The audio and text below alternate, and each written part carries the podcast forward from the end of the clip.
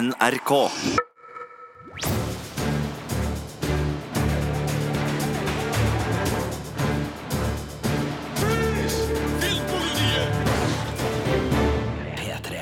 Godt nytt år fra oss i Filmpolitiet, og velkommen til den første podkasten fra oss i 2019.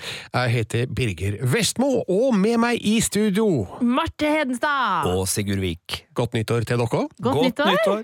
Har sagt det før, altså, på kontoret, men uh, gjør det her òg for syns skyld, så har vi liksom starta på ordentlig.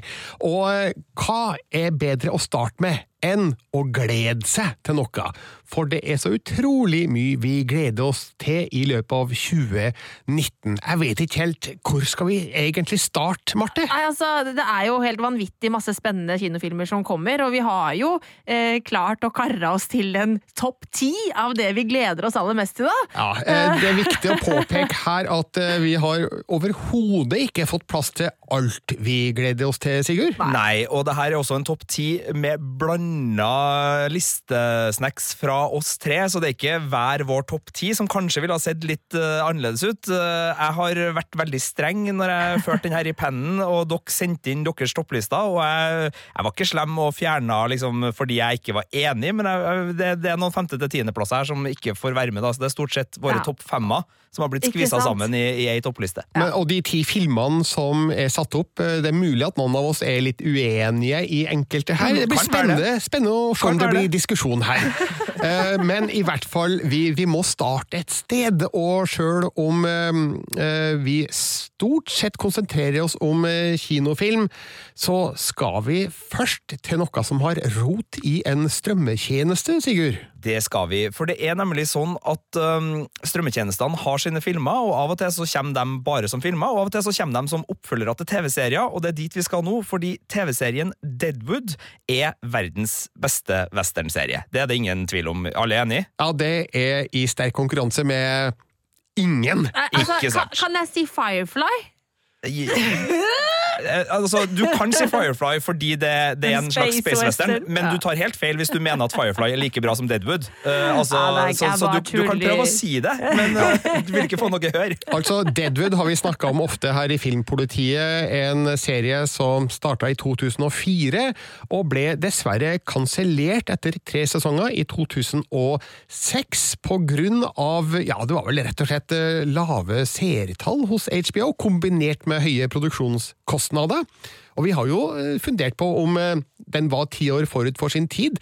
Eh, Hadde den blitt lansert for fem år siden, så hadde den garantert godt fremdeles. Det tror jeg er helt riktig, og den regnes jo som en av de der store kvalitetsseriene til HBO, da i den her tredje gullalderen av TV-serier som mange akademikere snakker om, eh, og da sammen med Sopranos og Six Feet Under og noen andre av de virkelig store, The Wire, eh, som liksom en av grunnpilarene som vi har bygd det her eh, strømmetjenestene lager masse kvalitets-TV på i etterkant. Og ventetida har vært lang. Den slutta jo veldig brått, serien, men nå er det bekrefta at HBO har gitt da David Milch, eh, som er serieskaper her, eh, løyve til å gyve løs på eh, film, og han får jo med seg så mange av de gode gamle rollefigurene og skuespillerne at det har jo rett og slett blitt nesten for meget for meg.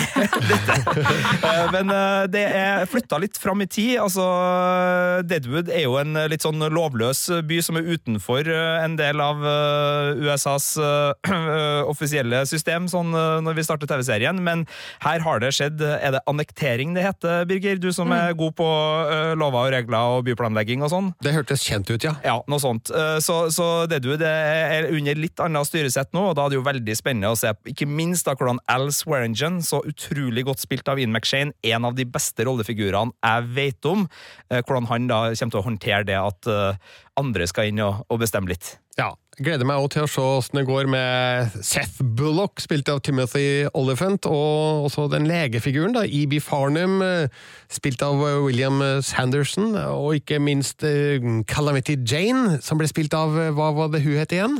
Robin Weigert, eller eh, Robin Schweigert var det. Schweigert? Schweigert, tror jeg ja, ja, så der, ja. ja, ja. Eller er det Weigert? Nå ble jeg- jeg usikker. Jeg tror det var Weigert. Ja, unnskyld. Og så var ikke Farnham eh, borgermester?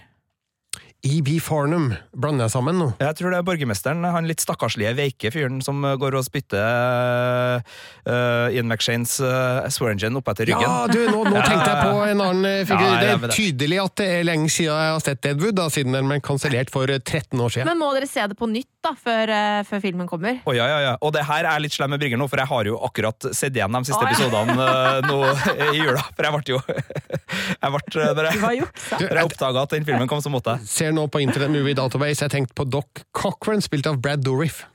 Han er også helt nydelig. Eh, og det er jo så mye gode rollefigurer her, og så er det en del fantastiske rollefigurer, og så er det et par helt suverene rollefigurer. Altså det, det her blir storstas. Vi vet ikke om den får kinopremiere. Altså, uh, Downton Abbey-filmen får nok kinopremiere, for den Ja, kommer jo nå. den, så vet den vi... er lagd for kino. Den er lagd for kino. Eh, Om det her uh, er lagd for strømmetjenesten HBO, eller altså ikke bare strømmetjenesten, men altså om den skal bare ut på HBO eller får kinopremiere, det vet ikke vi, men den kommer i hvert fall til HBO Nordic i løpet av 2019.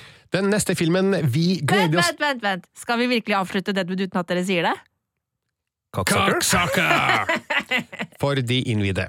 Eh, Den neste filmen vi gleder oss til i 2019, den heter Vice, og eh, det er vel én eneste grunn til at vi gleder oss skikkelig til den. Ja, og det er jo eh, altså Christian Bale, som er en av mine favorittskuespillere, og han er jo en som virkelig kan eh, gå så dypt inn i rollene han spiller, eh, og både når det kommer til å endre på utseende og på eh, væremåte, og jeg gleder meg så utrolig mye til å se at han skal spille visepres- visepresident Dick Cheney, eh, og jeg er også ganske fan av Adam Mackay, som er han som har laga filmen. Han, eh, han står jo bak Anchorman-filmene, og jeg også likte veldig godt den den The Big Short, eh, som kom for et par år tilbake. Og du har vel også likt serien Succession, som Yes. eh, har gått på HBO Nordic nå i år? Så det her bare Det, det kribler eh, i magen min når jeg tenker på Vice. Eh, og, så, og så har den jo den har liksom delt eh, kritikerne i USA. Da. Det er liksom enten elsk eller hat, her, litt inntrykk av. Så jeg bare er veldig spent på hva jeg kommer til å synes sjøl. Mm.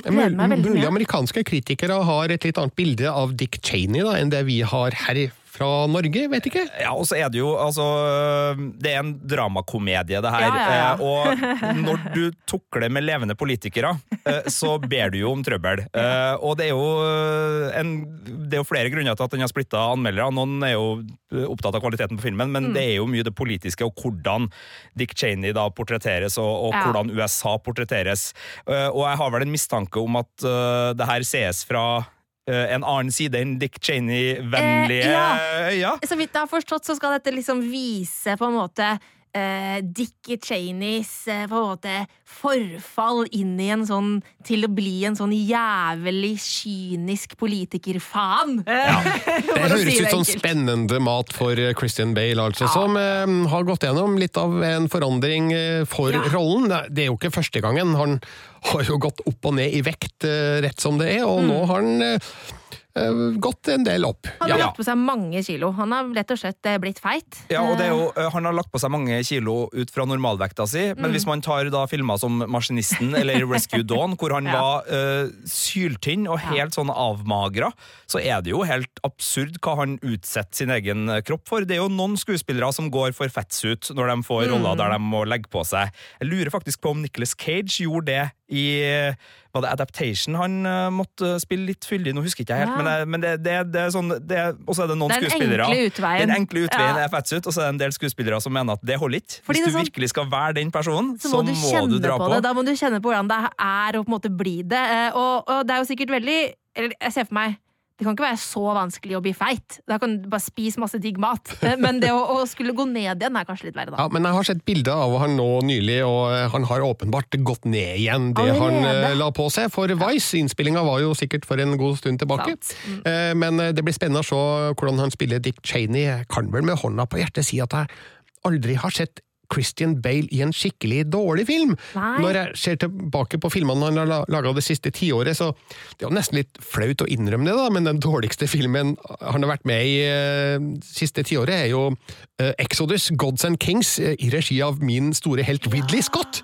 Og det sier jo litt da om kvalitetsnivået til Christian Bale, som ja, jeg syns er fremdeles en av de mer spennende skuespillerne vi har i, i Hollywood. og Elsewhere. Absolutt. Men eh, vær forberedt, da, dere som hører på, at eh, det kan hende at eh, politisk overbevisning vil spille inn på om du liker eller Ja. hater eh, Vice.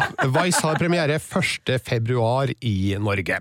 Eh, videre opp på lista over filmer vi gleder oss til i 2019. Vi må jo ha med noe eh, norsk. Eh, vi kunne jo ha nevnt eh, filmer som eh, Ut og stjele hester, eller eh, Den største forbrytelsen, som Marius Holst eh, skal lage nå, eller er i ferd med å lage. Men eh, den vi har valgt å ta med på vår eh, topp ti-liste, er Amundsen, i regi av Espen Sandberg, og han har vi jo et visst kjennskap til, Marte. Ja, altså Han har vi jo et visst kjennskap til sammen med sin liksom tospannkollega Joakim Rønning, som har lagd mye god film sammen, ikke sant? Max Manus og Ja. Kon-Tiki. Men nå så skal han lage eller har laga sin første film eh, aleine, så vidt Ja. jeg har forstått. Ja, de har splitta opp. Eh, Rønning eh, holder seg i eh, LA, mens eh, Sandberg har da vendt eh, hjemover, i hvert fall for denne gangen. Ja. Og eh, vi skal sannsynligvis da få et, eh, et helteportrett. Det Ja, må jo være det, eh, men eh, forhåpentligvis et nyansert et, da. Ja. Av eh, sydpolfarer eh, Roald eh, Amundsen.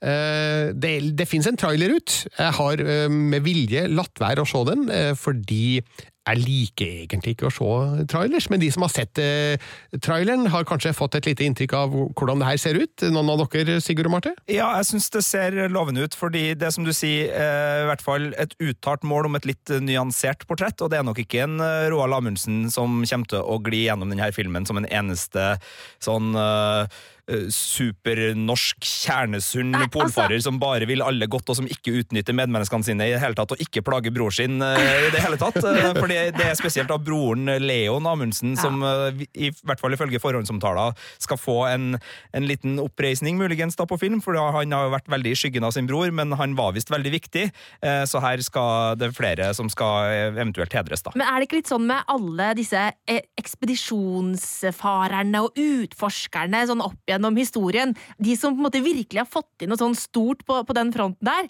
Det er jo en spesiell gjeng med folk. Det er det nok, eh, men samtidig eh, så er det jo veldig lett å ta tak i det heltemodige med dem, og jeg merker jo også etter juleselskap med familien så videre at det er eh, noe med det å hylle de man vil at skal hylles, så jeg er litt spent på hvordan det her funker. Og nå så vi jo Sonja Hennie-filmen, som tok et nyansert blikk på Sonja Hennie. Nå har ikke jeg sett den, Birger, men ut fra din anmeldelse så var ikke en ren heltinnehistorie, det heller. Nei, overhodet ikke. Altså, Man eh, må jo beundre pågangsviljen til Sonja Hennie, slik den blir skildra i filmen, og hvordan hun greide å slå seg opp som filmstjerne i Hollywood eh, uten egentlig å ha eh, noen kvalifikasjoner som skuespiller. Eh, Men eh, det er jo da en historie som viser hennes dypt problematiske side, og hvordan hun skyver sine nærmeste fra seg. Så um, det var en, en modig måte å skildre et norsk ikon på. Ja, og det er der jeg mener at uh, det er noe som jeg merker at uh, et norsk kinopublikum ikke nødvendigvis møter opp i like stort antall uh, for å se. Så jeg er litt spent på Amundsen, fordi gode heltehistorier som Den tolvte mann og som uh, Kongens nei og sånn, da er det ikke noe problem å samle nasjonen. Men hvis det blir Jo da, jo da. Jo da, litt uh, på Kon-Tiki, og det er jo veldig relevant, for det er jo samme skuespiller og samme hovedrolle og, og, og samme samme regissør. regissør. Men det er Altså Pål Sverre Hagen. ja. Ja. Men egentlig så skulle jeg egentlig bare skryte her, for jeg syns det er veldig modig da, å, å tørre å gå nyansert til verks, sånn som Ja. Sonja-filmen gjør, og sånn som det ser ut til å bli her. fordi det er jo en uh, mer fyldig filmatisk uh, versjon vi får, da. Jeg har en følelse av at eh, det er en sånn vedtatt sannhet at eh, norske filmer basert på historiske personer og hendelser sånn automatisk er heltedyrking, men det syns jeg jo egentlig ikke er tilfellet med verken Kon-Tiki eller Max Manus. Jeg syns eh, begge de filmene og flere andre eh, er i full stand til å vise eh, de mørke og mer problematiske sidene ved disse figurene. så jeg går ikke på den at eh, norske filmer eh, dyrker sine eh, helter og, hovedpersoner ukritisk. Jeg syns at eh, det eh, er mer kjøtt på beinet her da, enn som så. Jeg er helt enig, Birger. Altså, bare sånn som Joakim Rønning og Espen Sandberg eh, viste Thor Heyerdahl i Kon-Tiki. Altså, han var jo en asshole mot familien, eh, og det kom jo tydelig frem i den filmen. Eh, så jeg håper at, eh, at vi får se samme, eh, den samme sannheten eh, i Amundsen. Men tror dere det kommer aviskronikker som handler om historisk nøyaktighet i Ja. sporet etter denne Amundsen-filmen? Jeg tror det ganske garantert kommer til å skje. Det skal vi ikke vedde penger på, for da taper vi dem. Eh, Amundsen har premiere 15. februar. Den neste filmen på lista over filmer vi gleder oss til i 2019, If Beale Street Could Talk. Og det er mest av alt på bakgrunn av regissørens forrige film, nemlig Moonlight. Eh, Det var jo en helt nydelig film om en eh, ung manns vei mot eh, voksenlivet og erkjennelse av egen seksualitet. Regissør Barry Jenkins har nå kastet seg over en roman skrevet av James Baldwin, som noen kanskje kjenner fra dokumentaren I Am Not Your Negro, som jeg likte utrolig godt da den kom. Eh, Det her er da en kjærlighetshistorie fra 1970-tallets New York, eller vi skal vel til, Harlem, der vi møter en eh, ung eh, svart eh, kvinne som eh, spilles av Kiki Lane. Hun eh, kjemper for å renvaske eh, sin eh, ektemann, som eh, er feilaktig tiltalt for eh, et lovbrudd. Eh, Hun er også gravid, og ja, dette er en film som blir spennende å se. Den har allerede høsta mange lovord i USA, der den for lengst har hatt eh, kinopremiere. og det er nok en av de store Oscar-kandidatene i diverse kategorier nå ganske snart, når nominasjonene offentliggjøres. Så eh, Barry Jenkins eh, slo gjennom skikkelig hardt og godt med Moonlight, og jeg har trua på at eh, If Beale Street Could Talk eh, blir en fin kinoopplevelse. Andre her som eh, ser fram mot den? Jeg gleder meg mest til den jeg tror kommer til å slå den her i Oscar-kappløpet, nemlig La La Land. Som jeg tror kommer til å vinne Oscar for beste film i konkurranse mot If. Nei, Åh, det unnskyld. Beklager. Det var vondt. Dere, ja, for de som ikke husker det, La La Land ble feilaktig utropt til vinner av eh, beste filmen Oscar. Så var det Moonlight som egentlig vant! If Beale Street Could Talk den har da premiere i Norge 8. februar. Da får vi se akkurat hvor god den er.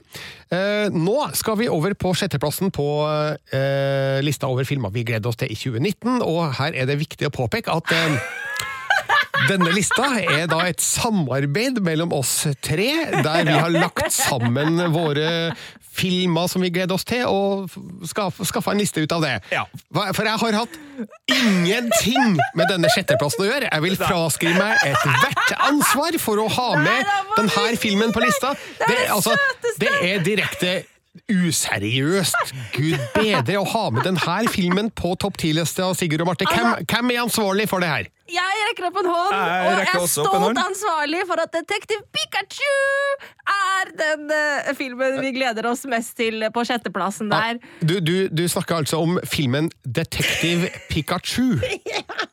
Har du sett hvor søt han er, eller? Han er så sykt søt! Se hvor fluffy han er! Jo, jo, jeg ser jo at han er søt, men er det, er, er det her den filmen du gleder okay. deg eh, nesten aller mest til i Ja, men altså, Birger, eh, Deadpool det er en film du er, er stor fan av. Ja. Deadpool er bra. En og to. Eh, og Ryan Og. Reynolds eh, er en eh, artig fyr, sant? Ja, Ryan Reynolds han har vist et komisk talent, ingen tvil om ja, det. Og han har jo en finger med i spillet på Detektiv Pikachu, for det er jo han som er stemmen til Detektiv Pikachu!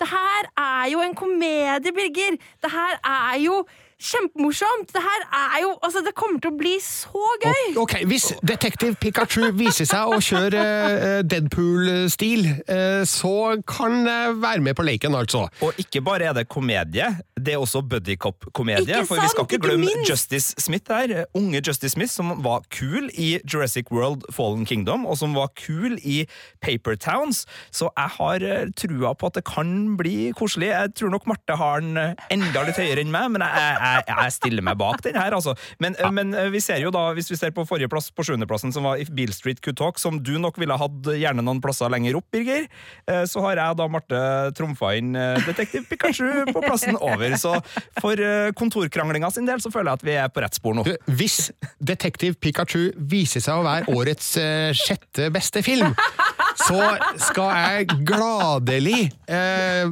si at jeg tok feil, og jeg skal spandere en øl på dere begge. Og si at eh, nei, men her er jeg imponert, dere så noe i den som jeg ikke så.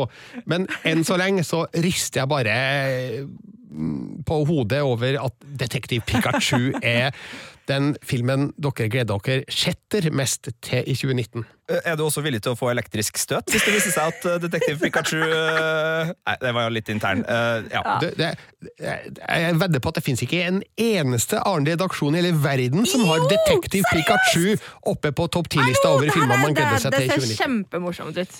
Vi skal over på femteplassen, tror jeg, og og der har vi satt opp en film eh, som eh, nok blir en av årets store publikumstrekkere, nemlig Avengers Endgame.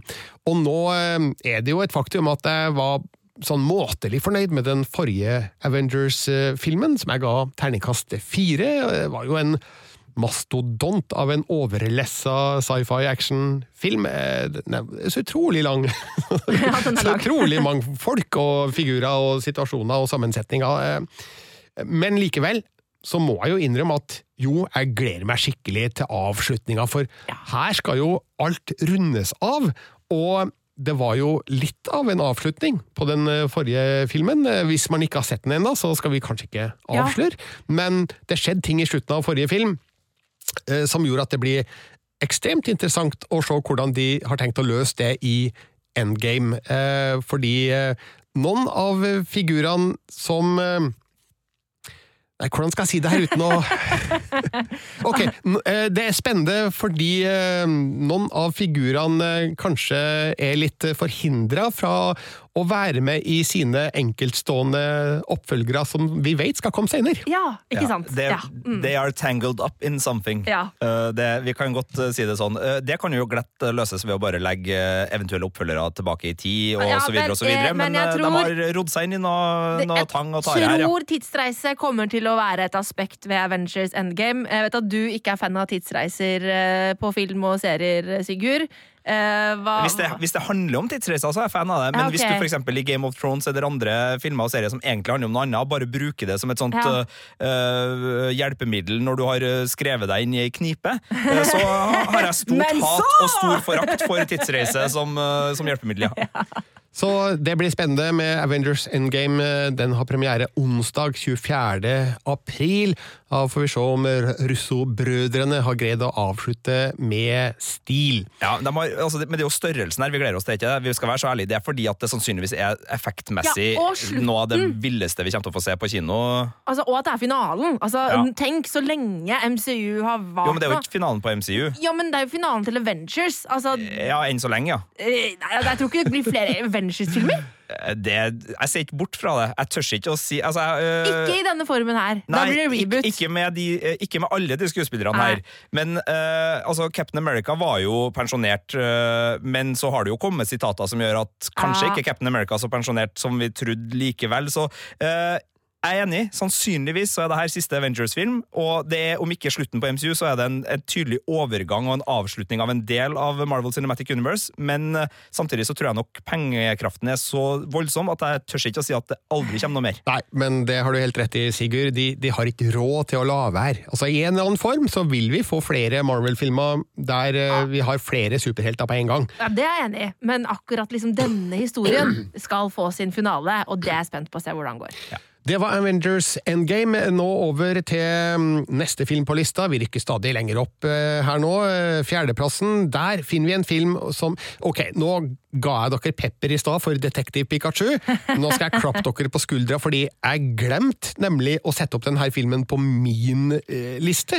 Eh, rett og slett fordi at jeg så jo blindt på de som skal ha kinopremiere. Men Ja. nå skal vi igjen til en strømmetjeneste. Ja, fordi jeg har også helt glemt denne, nettopp av samme grunn som deg, Birger. så så det det- er Sigurds fortjeneste. Sigurd Vik, Ja. tusen takk skal du ha. Det er delvis fordi at uh, jeg sitter og blar i Netflix-arkivene og kommende serier der rett som det er, pluss at uh, alt Martin Scorsese gjør, er viktig å, å følge med på.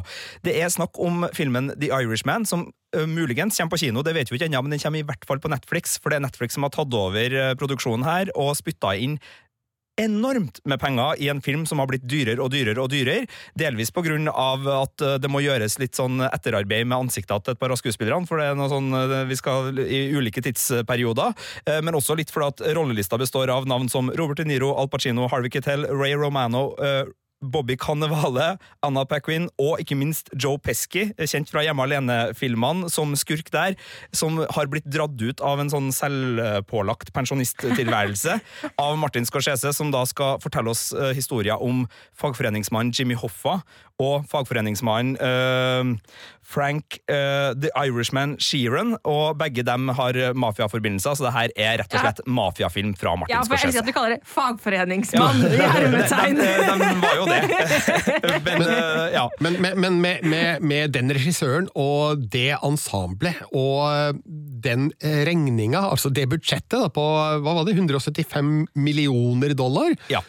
så det ligger jo an til alle mafiafilmers mor omtrent. Altså noe som Eh, på skala i hvert fall, da, kan ta opp kampen med f.eks. Gudfaren-filmene. Ja, og det ligger jo veldig opp mot altså En ting er jo Gudfaren-filmene, som er eh, et mesterverk her, men også filmer som Casino, eh, Goodfellas, Once Upon a Time in America, og for så vidt også Mean Streets og, og, og Taxi Driver, er jo filmer der regissør, skuespillere og tematikk overlapper.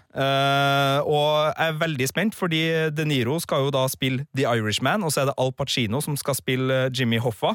Og uh, de uh, sier at en del av pengene har gått med da, for å få ansiktene til De Niro og Pacino til å fungere både i, ja, i ulike tider, rett og slett. Da, for det reiser jo en del år her. Jeg er litt redd for fallhøyden her, da. Fordi Scorsese, De Niro, Pacino, Keitel Altså, Er noen av de her folka ganske godt over middagshøyden, mon tro? Altså, Har de levert på samme nivå som i storhetstida de siste ti åra? De har jo ikke levert på samme nivå som i storhetstida, fordi da var det så utrolig bra. Men altså, det har jo noe med hvilke, altså, hvilke filmer, hvilke ja. mafiafilmer som har, som har vært. Ja, og også hva Robert De Niro har drevet og tulla med ellers. Altså, Han har jo vært i Meet the Fuckers og uh, massevis Den er ganske morsom, den første Meet the Fuckers. Jo da, men det er ikke uh, det nivået uh, som kanskje Taxi Driver for eksempel hadde. Så, så, jeg vil si at de, Og Dirty Grandpa, Dirty Grandpa Den, den, er ålreit, altså. Den er morsom, men, men, men det, er ikke, det, er ikke, Taxi Driver. Nei, men, men, du, du, sier noe der. Men når du ser på hva Martin Scorsese har gjort de siste åra altså, Han laga jo uh, Silence i 2016 og The Wolf of Wall Street i 2013 og uh, Hugo Cabret i 2011. Det, det er jo ikke akkurat skittfilma, da! Neida. Så uh, Scorsese han leverer fremdeles, og jeg tror vi har all grunn til å glede oss på ordentlig, altså, når The Irishman kommer enten på kino eller på Netflix i løpet av 2019. Mm. Men jeg må spørre, fordi jeg har ikke sett den uh, Jimmy Hoffa-filmen som liksom er den store Jimmy Hoffa-filmen, som het vel Hoffa? Uh, gjorde den det? Er det noen her som har noe Ikke sett. Noe... Jeg er ikke så Har faktisk ikke sett den heller. Altså. Nei. Så da, er, da, blir det nytt for oss, da. Det er ja, kjempebra. Da, vi, da, gleder jeg meg enda mer. Ja. Hoffa fra 1992 med Jack Nicholson og Danny DeVito eh, i regi av Donny Danny DeVito. Eh, det er en film som helt sikkert lar seg spore opp, så kanskje skal vi se den først. Bare for å ha en referanse da, til The Irishman når, når den kommer.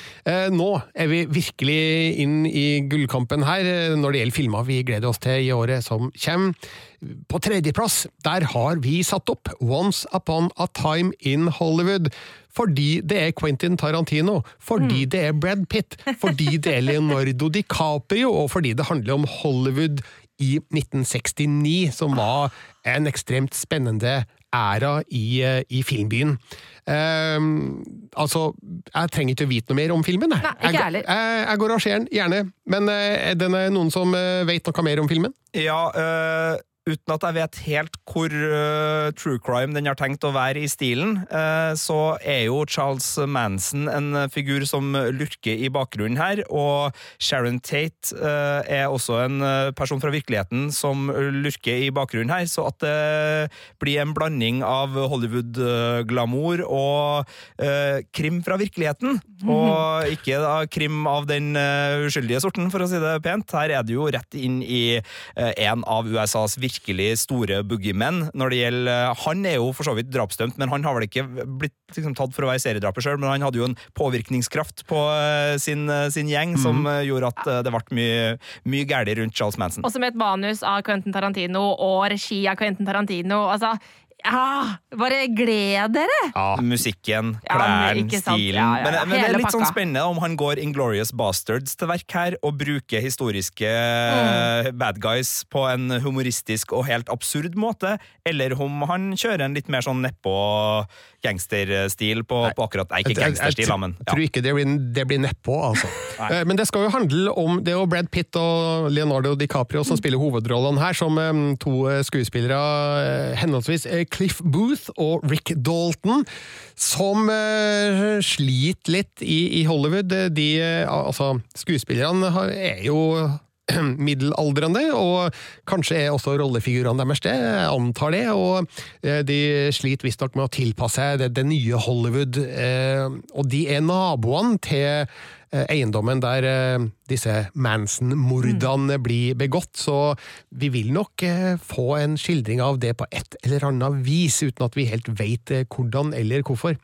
Men eh, det er en rolleliste som er lang og ikke vond, men god. Eh, Margot Robbie, Kurt Russell eh, Jeg sa Al Pacino, sa jeg det, men nå har jeg i hvert fall sagt det. Dakota Fanning, Timothy Oliphant.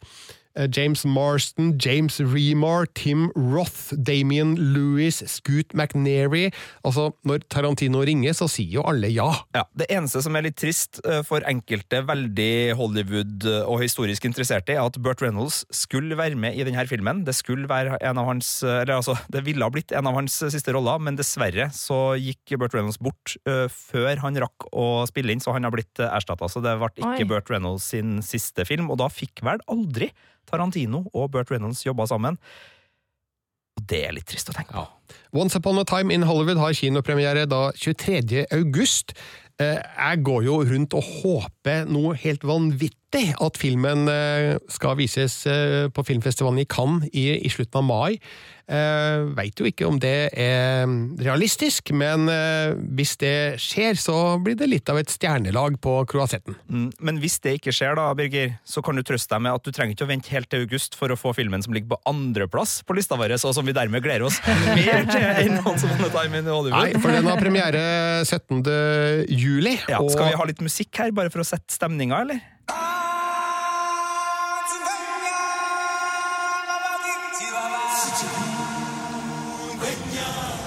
Ja, for hva kunne det her være musikk fra Marte Hedenstad? Bare spør, det er sånn rent tilfeldig. Åh, nei, hva kan det være? Jeg gleder meg så sinnssykt mye! Løvenes konge. Oh my god, folkens. Jeg, jeg har du har jo sett den før? Ja, jeg har sett den greia? før. Jeg har sett den på tegnefilm, jeg har sett den som musikal i London, eh, og nå skal vi se den da i live action, eller Eh, hva nå enn det betyr eh, når det er animasjon. ja, for eh, det er digitalt animerte ja. dyr i hvert fall, ja. og for alt vi vet også jungel, men kanskje er det også litt realistisk ekte ja. jungel med her, med digitalt animerte dyr på? Ja, det virker litt sånn. Eh, og det, det, ser jo helt fantastisk ut. De har jo sluppet en liten sånn teaser-trailer bare med, med liksom introen. Alle eh, scenene som er bygd for at du skal få nostalgifølelsen ja, og begynne å grine. Du, ja, eh, og, det, og, der ser det jo helt fantastisk ut. Og, og det vi, bildene vi har sett av dyra, er jo også helt nydelige. Um, og jeg er veldig spent på hvordan de skal gjøre det her. Det er masse gode skuespillernavn med på, på Voice-lista. Og og så blir det også antageligvis litt nytt til historien, sånn som jeg har forstått det. Fordi Eh, jeg tror den skal lene seg litt mer på musikalen, altså Broadway-musikalen, eh, enn det Fordi det var jo først en tegnefilm, så kom det en Broadway-musikal som eh, lagde litt mer intriger og sånn.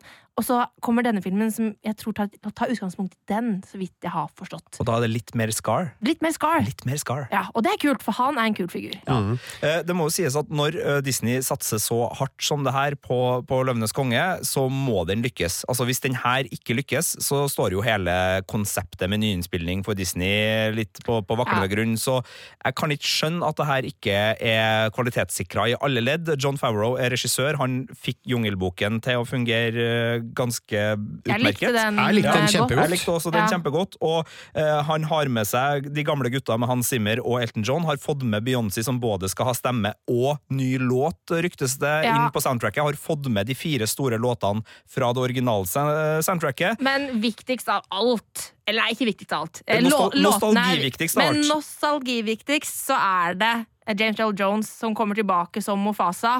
Eh, og det tror jeg ikke de turte å gjøre noe annet. Kunne ikke forandres, for Nei, det det ville ha endra alt. Ja, Det hadde ikke vært Løvenes konge lenger. Nei, det hadde ikke det. Kunne Eh, hatt Morgan Freeman, kanskje. Nei!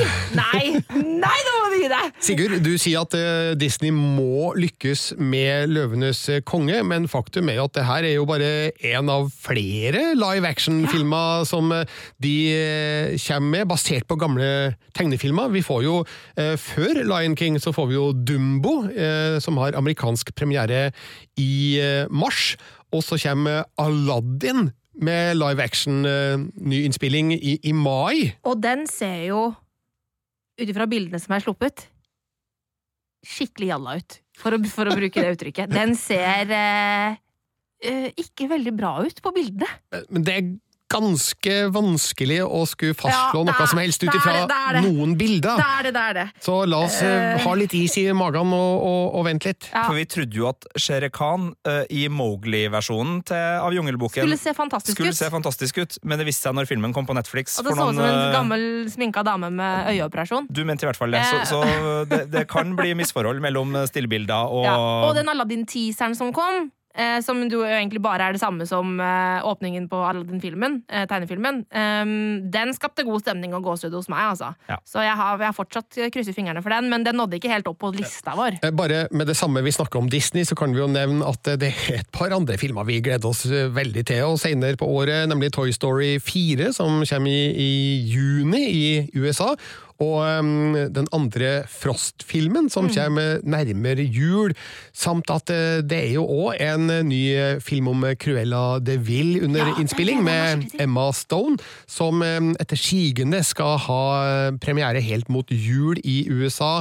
Uh, Så får vi se da om den kommer samtidig i Norge. Så et stort år for Disney, men uh, det vi er aller mest spent på, er jo da selvfølgelig Løvenes konge, som får eh, premiere onsdag 17. juli. Nå, folkens, har vi kommet helt til topps. Den filmen vi gleder oss aller, aller mest til i 2019. Eh, vi lar eh, en liten musikksnutt indikere hva det er vi snakker om.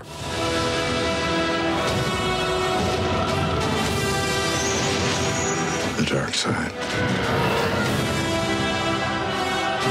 The Jedi.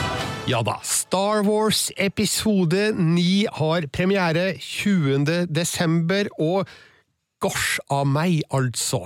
Kan det gå an å glede seg mer til en film enn det vi gleder oss til Star Wars episode 9? Altså, Jeg gleder meg, og så gruer jeg meg på en måte litt òg, at eh, det det er et slags vemod i det også. Eh, Men herlighet, eh, dette skal bli utrolig spennende. Ja, for det, det skal etter sigende være avslutninga på Skywalker-sagaen. Her skal det settes punktum for en historielinje som starta helt tilbake i 1977, altså. Og på hvilken måte skal det settes punktum? Det er det store spørsmålet, for eh, det virka jo som at det ble satt et lite punktum i The Last Jedi, den forrige filmen, Ja. med det som skjedde med Luke Skywalker på slutten.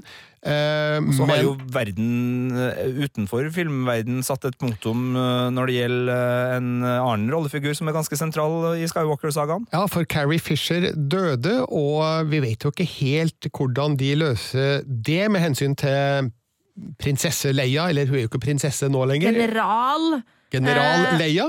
Men eh, det var derfor jeg, syns- jeg trodde at hun skulle dø i den forrige filmen. Eh, og jeg ble så overrasket over at hun ikke gjorde det. Eh, så jeg er veldig, veldig spent på hvordan de løser det. Eh, og eh, jeg er er jo ikke noe fan av eh, den eh, CGI-festen som eh, de har, Disney har utført eh, på diverse Star Wars-filmer med å putte skuespilleres ansikt på andre skuespillere og sånn. Ja. Så jeg er veldig veldig spent på hvordan det her kommer til å bli. altså. Nå øh, vet vi fra informasjon som har lekka ut at det fins ubrukte Ja. filmklipp med Carrie Fisher, som de kanskje greier å skru sammen til noe som ligner en sammenhengende øh, scene eller to, så vi får se hva de gjør med general Leia. Men øh, hva skjer med, med Luke? Kommer han tilbake som et Force Ghost? Hva tror vi? Ja, jeg, jeg tror vel det. Eh, at han kommer tilbake som et Force Ghost. Men, men eh, det er jo folk som har spekulert mm, i om han er død i det hele tatt. Eh, og det er jeg rimelig sikker på. At eh, han, han ble one with the force, eh, og er død eh, i, i sin fysiske Altså, kropp. hvis JJ Abrams finner på noe annet, så, eh, så vil det sette eh, den forrige filmen til Ryan Johnson i et litt uh, pinlig lys. Enig. Eh, bare sånn for å, å si det, da, så er det jo uh, i min mage sånn at uh, på grunn av mengden Star Wars som har kommet, både med nye filmer i Skywalker-sagaen, men også standalone-filmer og, og snakk om TV-serier, eh, så kjennes det ikke så spektakulært lenger bare med at det kommer noe nytt Star Wars, og solofilmen var vel ikke forferdelig, men den var jo en liten skuffelse for oss. Men Skywalker-sagaen, altså, er det en familiefortelling på kino som har generert større fandyrkelse og mer oppmerksomhet enn det den Skywalker-sagaen har gjort? Altså, det er jo helt øh, fantastisk at vi nå skal få avslutninga på den historien, sjøl om vi er litt uh, bekymra på, på hvordan det skal gå. Her må vi også spørre øh, hvordan det skal gå med Ray øh, og Kylo Ren, for de er jo de, de nye vesentlige figurene. Men jeg kjenner at det, er, det står så mye å felle på den filmen her, da. For hvis den ikke er god, så blir liksom hele Da er det to trilogier som for meg ikke er så gode, og én som er kjempegod, men hvis den blir kjempegod, så berger det på en måte trilogien her Ja, litt, og altså, da er det jeg- to gode trilogier, og én som var sånn Ja, den var kanskje ikke så verst likevel. Kanskje, kanskje egentlig Jar Jar var artig. så jeg merker at lyset jeg kommer til å se Skywalker-sagaen i, er helt avhengig av det punktumet her. Er det punktumet bra, så er Skywalker-sagaen fantastisk. Er det ikke bra, så er det bare den første trilogien som men, får men altså, altså, du den kan jo ikke, posisjonen. Hvis, hvis ikke denne, denne filmen her er bra, så er jo fortsatt Force Awakens bra. Nei. Mener du det?! The Force Awakens Jo da, var den glimrende! men, men den har en påvirkning. Altså, det, øh, det er sånn med, med filmer. Altså, øh, Avengers Endgame kommer til å påvirke hvordan jeg ser Avengers-filmene Uh, sammen. Uh, Harry Potter and The Deathly Hallows part 2 har noe å gjøre med part 1, og det er klart at uh, det endrer jo ikke filmene, men Nei. den endrer hvordan jeg ser på historier. Eh, og jeg, så, jeg, så svarer jeg sånn nei, men ja, men nei, men ja, men nei, men ja. Ja, men jeg har ingen bekymringer her. Jeg syns JJ Abrams laga en fantastisk Star Wars-film med The Force Awakens. og jeg var jo en av de som også likte Ryan Johnsons eh, The Last Jedi veldig godt. eh, Sjøl om den har jo fått kritikk for å være litt eh, vel mørk. Eh, Så jo da, jeg håper jo at JJ Abrams gjør Star Wars litt gøy igjen, da. Med den avsluttende Skywalker-filmen.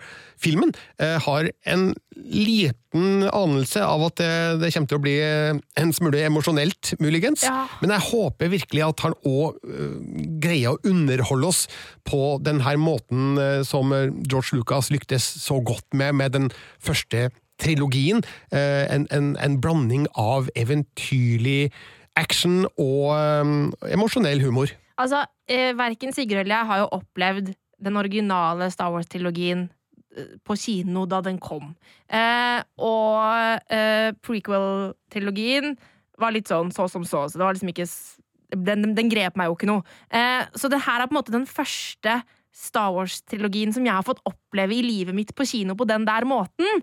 Den, den Star Wars-måten. Og, Ja. det, og det minner meg på en måte litt om om Lord of the Rings. Altså følelsen jeg hadde da det var ferdig. Altså da Atter en konge var ferdig. Wow. Begynner å grine. altså bare sånn, jeg gråt fordi det var trist i filmen, og så gråt jeg fordi det var ferdig. ikke sant? Um, og jeg tror kanskje jeg vil få den samme opplevelsen nå, at man, man blir veldig vemodig fordi at hele denne fortellingen som har gått i så mange år, nå får finalen sin. Ja, det Jeg kjennes ja, jeg tar med lommetørkleet, altså. Det Ja. skal ikke være han fyren. Så det kjennes på en måte som eh, en milepæl i vårt eget liv, på en måte. Noe som har vært med oss så lenge, eh, får nå sin endelige avslutning. Bare at de kommer jo selvfølgelig ikke til å slutte å lage Star Wars-film, da. Men akkurat den der historietråden da, ligger jo Ja. an til å, til å få et punktum. Eh, Så det er klart at det, det blir en påkjenning, det, når vi ser filmen mot eh, slutten av eh, året. Og vi har jo da nesten et helt år til å bygge opp forventningene våre enda mer, så det her er jaggu en film som skal få utfordringer med å ja, møte de møte de forventningene vi nå har. Det er de ti filmene vi gleder oss aller mest til i eh, året vi har foran oss. Vi kunne selvfølgelig ha nevnt 10, 20, 30, 40 filmer til, og kanskje, og ganske sannsynlig, er det flere filmer vi ennå ikke har hørt om, som kommer til å em, gi em, oss eh, store opplevelser på kino eh, i løpet av 2019. Så em, det jeg nå er spent på, det er hvilke filmer vi kommer til å nevne når vi skal oppsummere filmåret 2019, men det får vi svaret på om eh, ja, litt under ett år. Tror nok Detektiv Pikachu kommer til å være ganske relevant der, altså. Veit dere hva? Jeg har bange, bange anelser. Eh, tusen takk, Marte og Sigurd. Jeg heter Birger. Gi oss gjerne en rating og en kommentar der du har henta denne podkasten. Eh, send oss gjerne spørsmål på filmpolitiet.nrk.no.